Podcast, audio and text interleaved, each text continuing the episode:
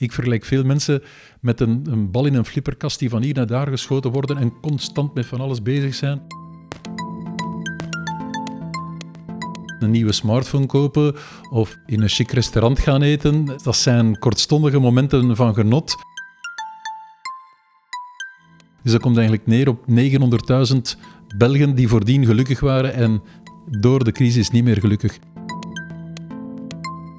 Dat klinkt zo'n beetje, hoe moet ik dat zeggen, uh, een beetje vloe, zo vriendschap op het werk. Ik was al bijna, ik wil al bijna beginnen met te mediteren, maar dat ga ik hier nu niet doen.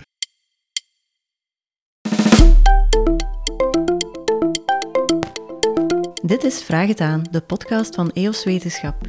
In deze aflevering zoek ik een antwoord op de vraag: hoe word je gelukkig?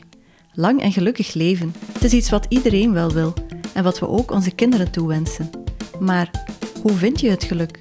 Hoeveel heb je zelf in de hand? En kan ook de maatschappij bijdragen aan het geluk van iedereen? Ik vraag het aan Lieven Annemans. Hij is gezondheidseconoom aan de Universiteit Gent en heeft een boek geschreven over geluk. Dag Lieven. Hallo, dag Lisbeth. Uh, geluk vinden zonder het te zoeken, dat is de titel van jouw boek. Is gelukkig zijn dan vooral toeval? Geluk hebben dat je weinig tegenslagen hebt in het leven? Of goede genen hebben bijvoorbeeld? Goh, um, je moet eerst al een onderscheid maken tussen geluk in de zin van chance hebben en dan geluk in de zin van kan je zeggen dat je gelukkig bent, dus dat je een gelukkig persoon bent. En natuurlijk, mijn boek gaat over dat tweede, uh, over hoe kunnen we ervoor zorgen dat we gelukkigere mensen kunnen zijn. Je hebt daar wel een klein beetje geluk voor nodig, uh, namelijk dat je goede genen mee hebt bijvoorbeeld, maar voor een groot deel hebben we toch zelf in handen hoor. De bedoeling van de titel was meer erop te wijzen dat sommige mensen op een verkeerde manier het geluk nastreven. Dat ze daar nogal obsessief mee bezig zijn en ze verwarren dan genot met geluk en ze doen van alles in de hoop van gelukkiger te zijn maar eigenlijk lukt het niet goed. Dus de, de bedoeling is echt om erop te wijzen, uh, uw geluk nastreven zonder u te bekommeren om anderen, dat is eigenlijk een dwaling. En er zijn andere manieren om toch een, gelukkige, ja, een gelukkig leven te kunnen hebben. En kan je dan een voorbeeld geven van zo'n obsessief bezig zijn met geluk? Waarbij dat niet lukt dan om gelukkig te worden? Ja, zeker. Daar zijn mensen die denken dat ze hun geluk kunnen kopen. Hè. Dus uh, ze kopen nieuwe dingen waarvan ze denken dat gaat mij gelukkig maken, of ze doen activiteiten waarvan ze denken dat gaat mij gelukkig maken. En dan zie je dat dat maar heel kortstondig een positief effect kan geven. Bijvoorbeeld een nieuwe smartphone kopen of uh, in een chic restaurant gaan eten. Uh, dat, dat, zijn kortstondige momenten van genot. Maar dat uh, gaat snel weg hebben en dan ja, is men terug op zoek naar iets anders om, om toch terug te proberen uh, weer genot te, te ervaren. Maar dus die mensen verwarren genot met geluk.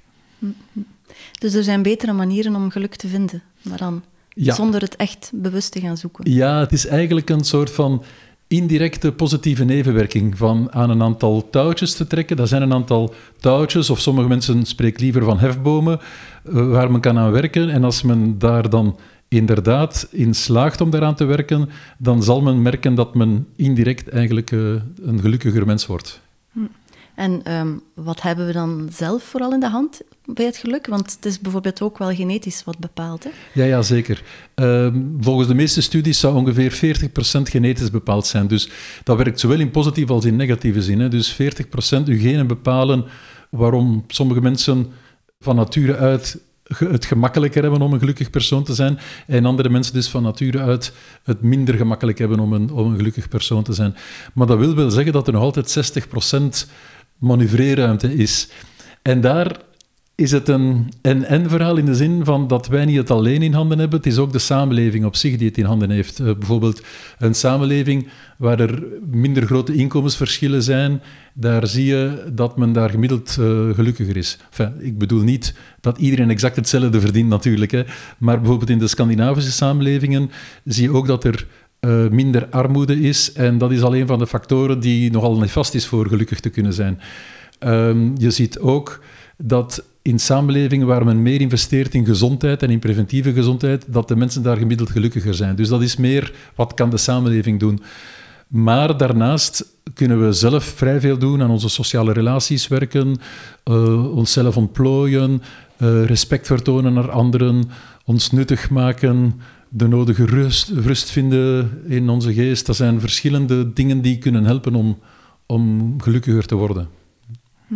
Maakt geld ook gelukkig? Wel, uh, ik had het daarnet al over armoede en daarom dat ik het altijd liever anders formuleer. Geen geld maakt ongelukkig.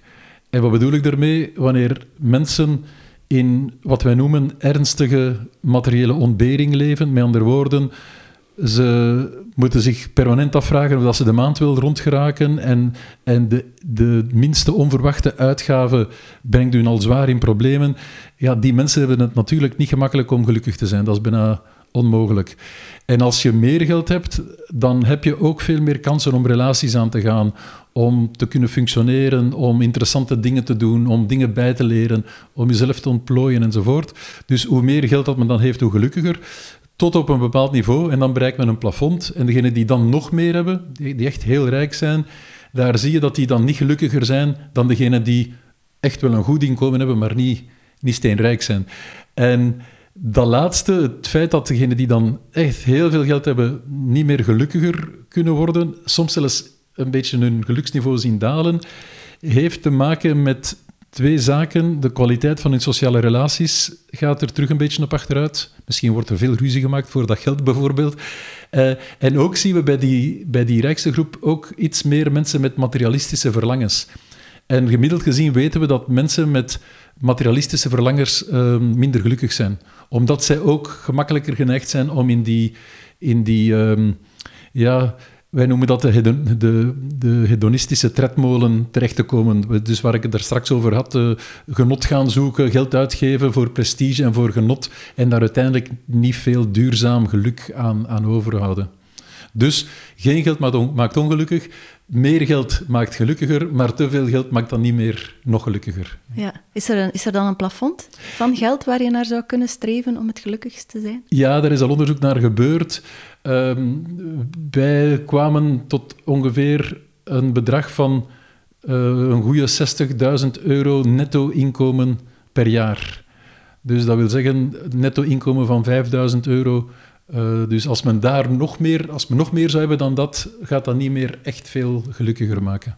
Als, als individu dan, of als gezin? Ja, wel, het is daarom dat ik trachtte er nogal snel mee vanaf te maken, man het antwoord.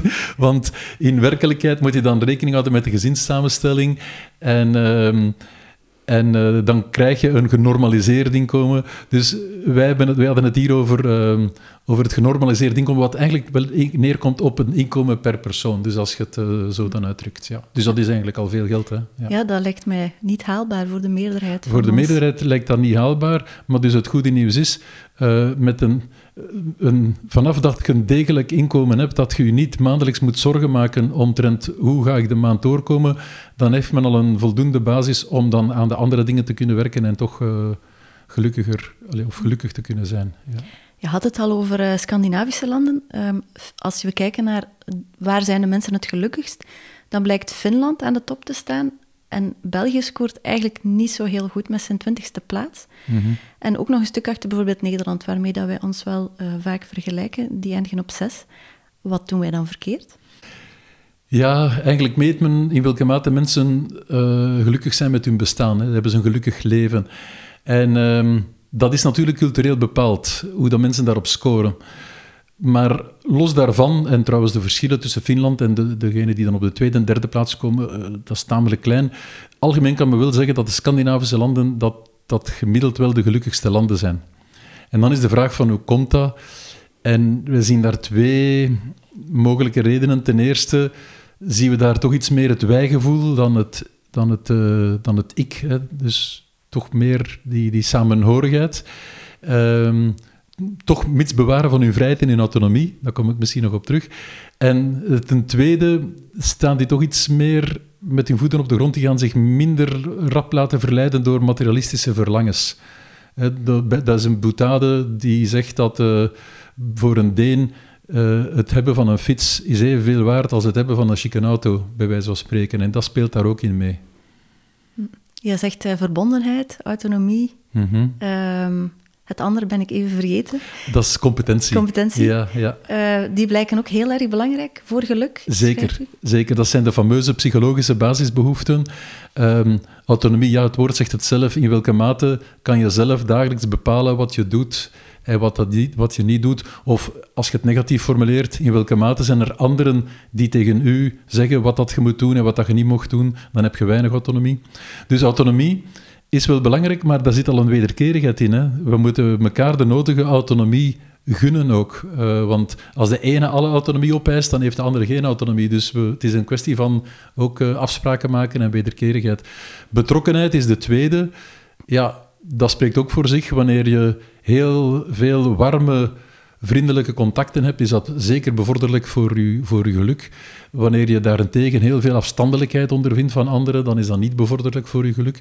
En de derde competentie heeft te maken met in welke mate voel je jezelf bekwaam in wat je dagdagelijks uh, doet. Want als je daar dagdagelijks frustraties op loopt van uh, ik kan dat niet aan wat ik hier moet doen, is dat ook weer al niet bevorderlijk voor je geluk. Dus dat zijn eigenlijk wel drie heel belangrijke factoren. Ja. Mm-hmm. Dus die verbondenheid blijkt uh, inderdaad wel belangrijk. Um, hoe zit het eigenlijk met die verbondenheid nu, na corona? Wel, dat was een beetje bizar. We hebben, het meest recente onderzoek dat we gedaan hebben was in december 2020. En daar hebben we vastgesteld, dat was in het midden van de tweede golf, uh, tamelijk nefast voor veel mensen. Uh, de, ons onderzoek gaf aan dat tevredenheid met, het, met sociale relaties echt gekelderd was. Maar de score op verbondenheid was dan lichtjes gestegen. Eigenlijk dus kwam erop neer dat we veel minder sociale relaties hadden, maar degene die we nog overhielden, daar was het contact gemiddeld iets warmer dan, dan vroeger, dan, dan voor de crisis. Nu, dat zijn gemiddelden, hè, want we zien ook dat er in heel veel gezinnen echt wel schrijnende toestanden zijn ontstaan waar dat er weinig sprake was van verbondenheid. Maar gemiddeld gezien is die verbondenheid lichtjes uh, toegenomen. Heeft die coronacrisis algemeen gezien impact op ons geluksniveau?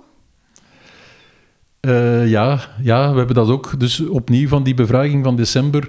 Uh, voor de crisis konden we zeggen dat 40% van de Belgen gelukkig was. En gelukkig wil zeggen dat je op die schaal van 0 tot 10, dat je daar 8, 9 of 10 scoort.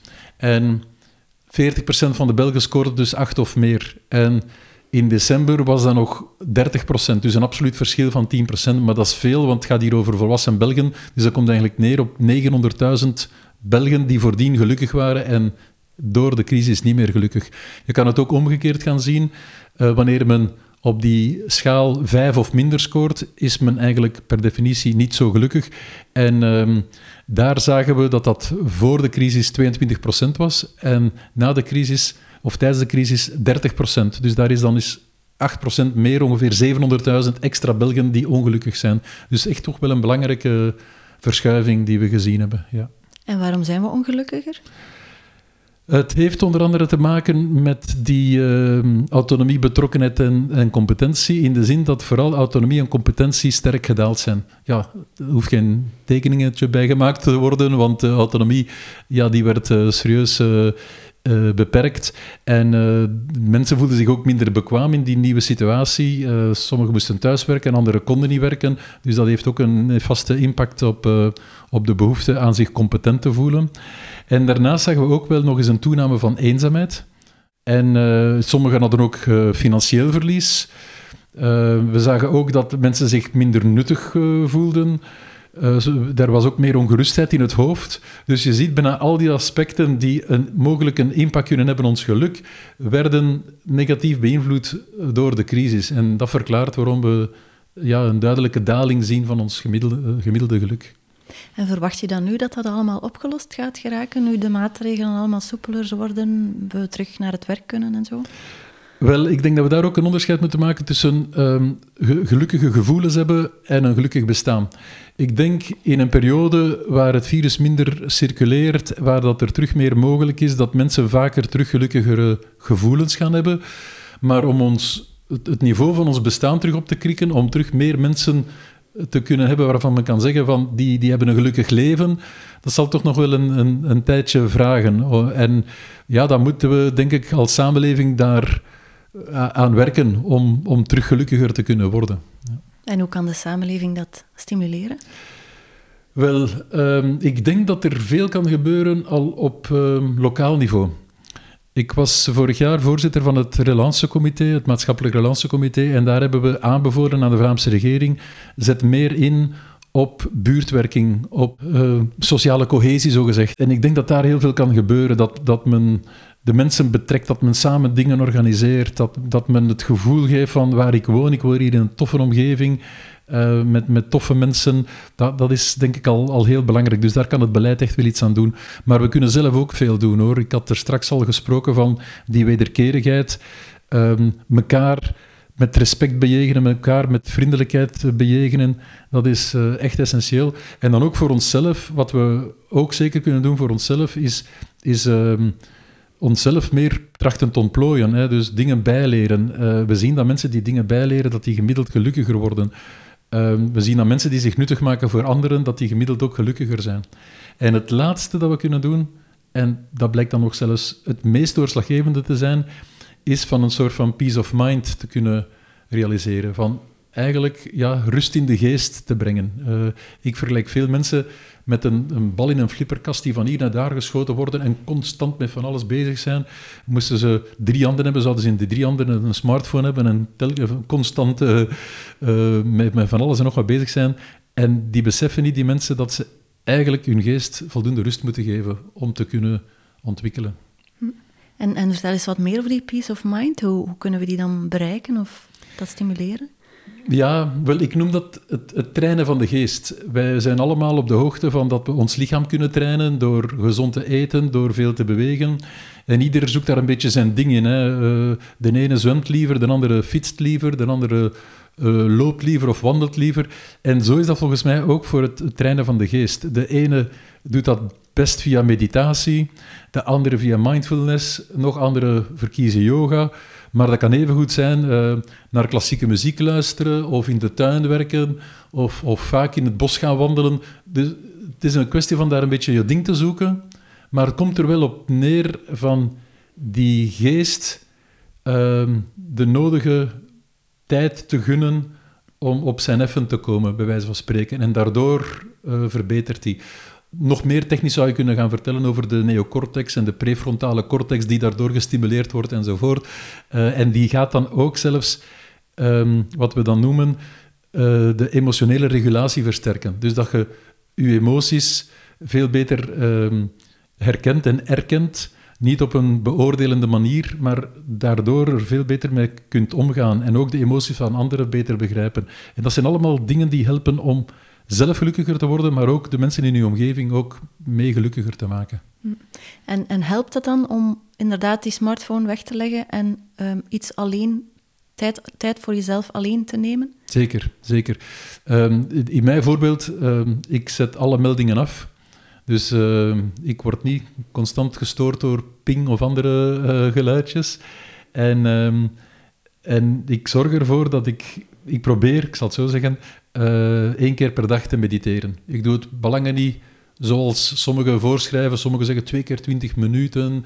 Dat, dat, dat lukt bij mij niet. Maar een zeker vier, vijf keren per week, al was het soms maar tien minuten, dat helpt al om volledig... Uh, ik, was al bijna, ik wil al bijna beginnen met te mediteren, maar dat ga ik nu niet doen. Uh, en dat, dat, geeft inderdaad een enorme versterking bij mij van, van mijn geest. Ja. ja. maar je zegt niet iedereen hoeft uh, te mediteren. Um, kan je inderdaad hetzelfde effect bekomen als je niet aan de meditatie of mindfulness gaat, maar bijvoorbeeld een wandeling maakt? Ik denk dat dat dan te maken heeft met de manier waarop dat je die wandeling uh, doet. Als je tijdens die wandeling toch nog altijd met je smartphone bezig bent en met, met van alles, dan, uh, dan denk ik niet dat dat goed is. Maar als je die wandeling bewust doet, dat je de natuur bij wijze van spreken inademt, dat je ook let op wat dat er gebeurt, uh, liefst dus een wandeling in de natuur wel, denk ik, uh, dan kan dat volgens mij bij sommige mensen zeker ook zo, zo effect geven. Ja.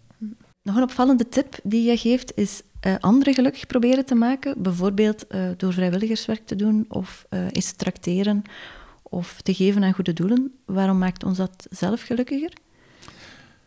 Wel, uh, we hadden het daar straks over, die uh, autonomie, betrokkenheid en competentie. En daar zit bij elk van die drie, wat we dan noemen uh, psychologische basisbehoeften, een wederkerigheid in. Je moet elkaar de nodige autonomie gunnen. Eh, als je elkaar ook met de nodige warmte bejegent, dan krijg je die, die warmte terug. Warmte geven wil zeggen dat je ook meer kans maakt om warmte terug te krijgen. Iemand anders zich competent laten voelen, zich bekwaam laten voelen, dat is ook belangrijk. Dus we zijn daar op elkaar aangewezen, dat ten eerste.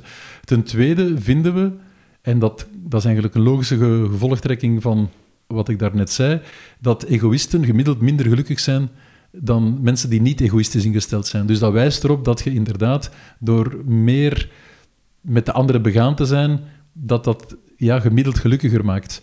Nu, toch wel een, kleine waarschuwing. Dat wil niet zeggen dat je zomaar moet onderwerpen aan de grillen van een ander. Hè. Dus uh, ook daar zit weer al die, die wederkerigheid. De ene moet niet alle energie opeisen van de andere, want dan komt het ook niet goed. Het is eerder uw ingesteldheid van wat doe ik voor iemand anders? Uh, dat je die vraag geregeld een keer stelt. Wat, doe ik, wat heb ik nu vandaag voor anderen gedaan? Dat is een vraag die, je zich, die men zich misschien bij wijze van spreken geregeld, ja, misschien niet elke avond, maar toch geregeld is moet stellen. En, en dat helpt inderdaad om gelukkiger te zijn. Um ja, daar, daar past dan ook wel bij wat je zelf beschrijft als gelukkig zijn is niet doen waar je zin in hebt, maar zin geven aan wat je doet. Ja. Dus moeten we eigenlijk het streven naar geluk dan vervangen door een streven naar zingeving en volgt dan daaruit het geluk vanzelf? Ja, natuurlijk het woord zingeving, daar hebben verschillende mensen een andere connotatie bij. Hè. Dus ik bedoelde het echt in de, in de betekenis van ja, een, een betekenisvol leven leiden. Een leven waarbij ja, dat je dus echt iets iets doet, uh, ook, ook voor, voor, voor anderen. Maar je ziet nog andere invullingen. Hè? Die mensen die zeggen van... Um, zingevende wil zeggen dat je inderdaad een, een zinvol leven leidt, maar dat je ook idealen hebt, dat je het vertrouwen hebt in, in de toekomst, dat je wil blijven bijleren. Dat is ook allemaal een vorm van, van zingeving. En anderen gaan nog verder, die, die gaan het dan meer interpreteren in de zin van uh, spiritualiteit. En dat heeft dan vooral te maken met, met bewustzijn van jezelf, eh, van waar dat je vandaan komt, van waar dat je naartoe wilt gaan. Met een positieve ingesteldheid heeft dat ook te maken, van, van iets te willen realiseren, maar ook liever ten behoeve van een andere dan enkel maar naar zichzelf te kijken. Dus je hebt daar verschillende, je hebt nogal een brede waaier van interpretaties mogelijk, maar het zijn allemaal interpretaties die wel degelijk kunnen leiden tot een, tot een meer gelukkig bestaan. Hm. Zijn, uh, je sprak over spiritualiteit. Uh, zijn gelovige mensen gelukkiger?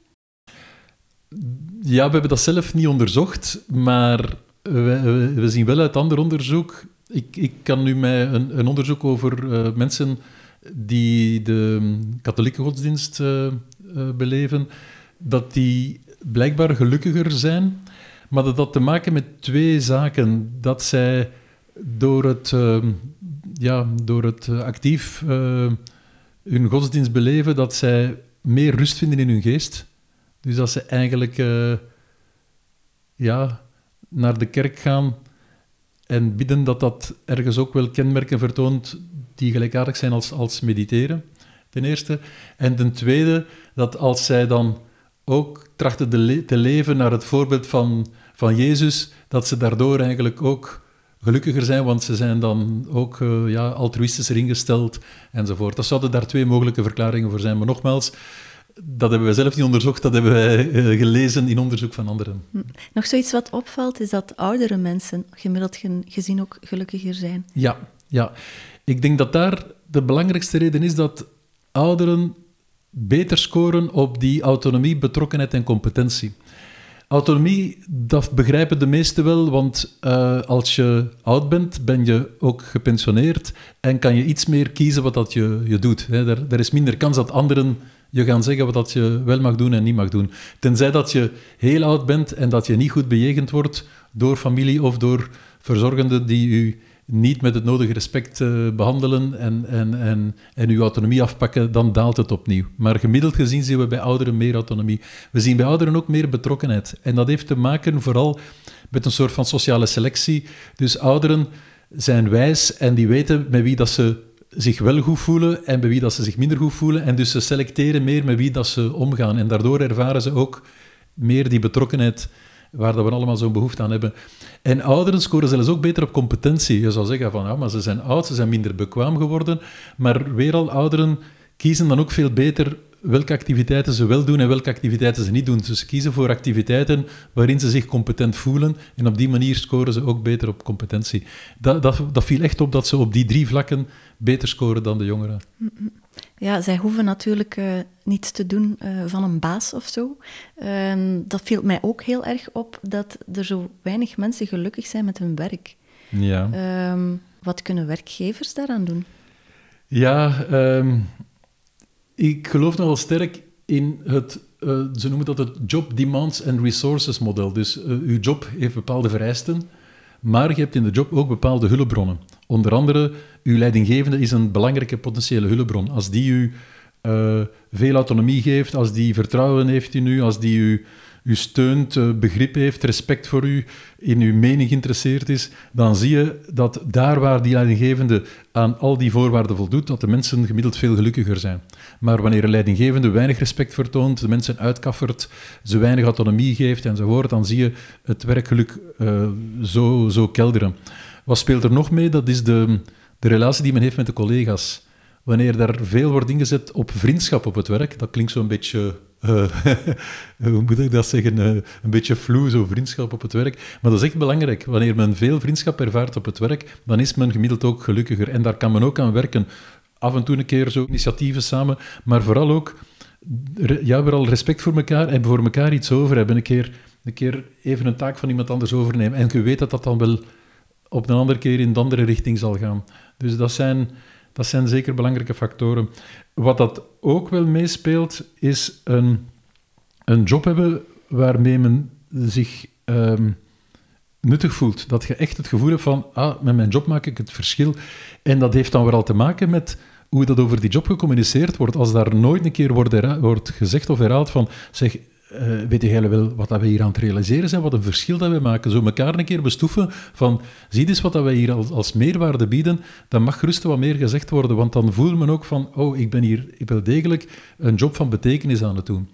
En misschien een laatste punt, uh, ze noemen dat psychologische veiligheid. Dat wil zeggen, als je in een werkomgeving werkt waar dat je jezelf kunt zijn, we hadden de vraag zo gesteld: heeft u het gevoel dat u op het werk een masker moet opzetten? Dat was natuurlijk uh, dat onderzoek, ons eerste onderzoek dateert van voor deze crisis. Dus iedereen had die vraag begrepen. Figuurlijk wil dat zeggen: hè, een masker moeten opzetten, je kunt u zelf niet zijn.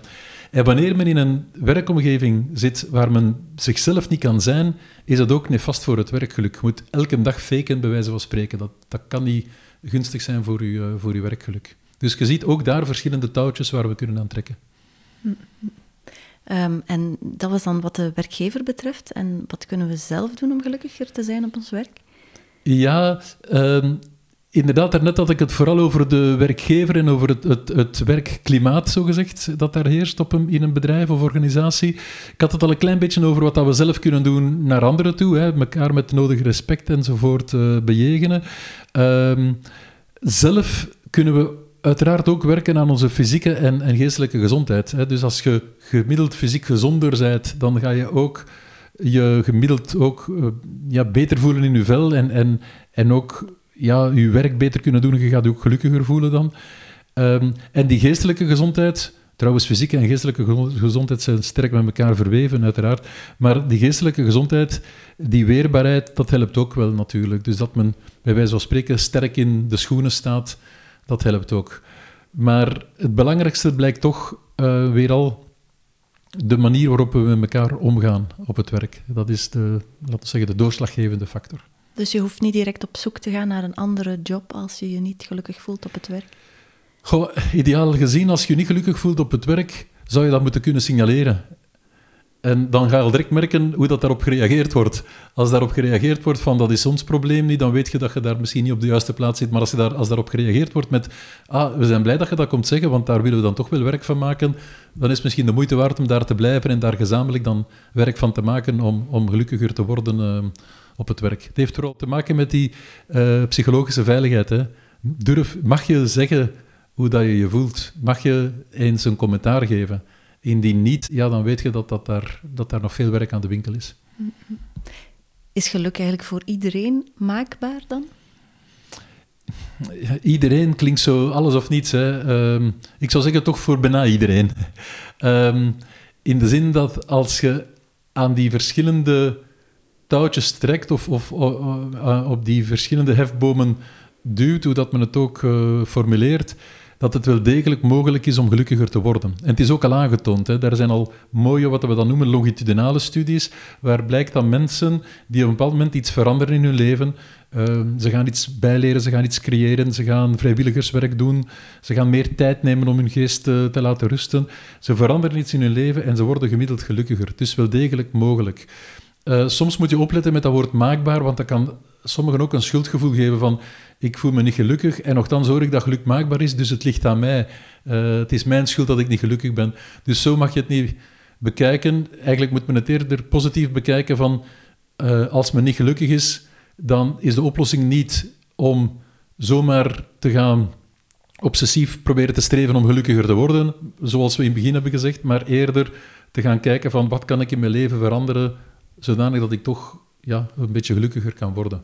En de maatschappij kan dan ook wel uh, een aantal maatregelen nemen, waardoor het gemiddelde geluksniveau zou kunnen stijgen. Zeker, zeker. Het is, het is echt een... Um, ik, ik heb op een bepaald moment gezegd van... Um, ask what your country can do for you en ask what you can do for your country. De beide zijn belangrijk. Wat kan ons land voor ons doen? Ja, ervoor zorgen dat er uh, zo weinig mogelijk armoede is, want daardoor wordt ons gelukkig niveau gemiddeld uh, naar beneden gehaald.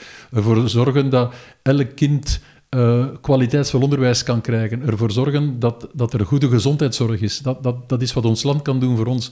Maar wat kunnen wij doen voor ons land en voor elkaar? Ja, dat komt dan weer al terug op het bevorderen van autonomie, betrokkenheid, competentie, zich nuttig maken, uh, rust, rust bieden aan onze geest. Dus weer al die verschillende andere dingen waar dat we zelf meer impact op hebben. Ja.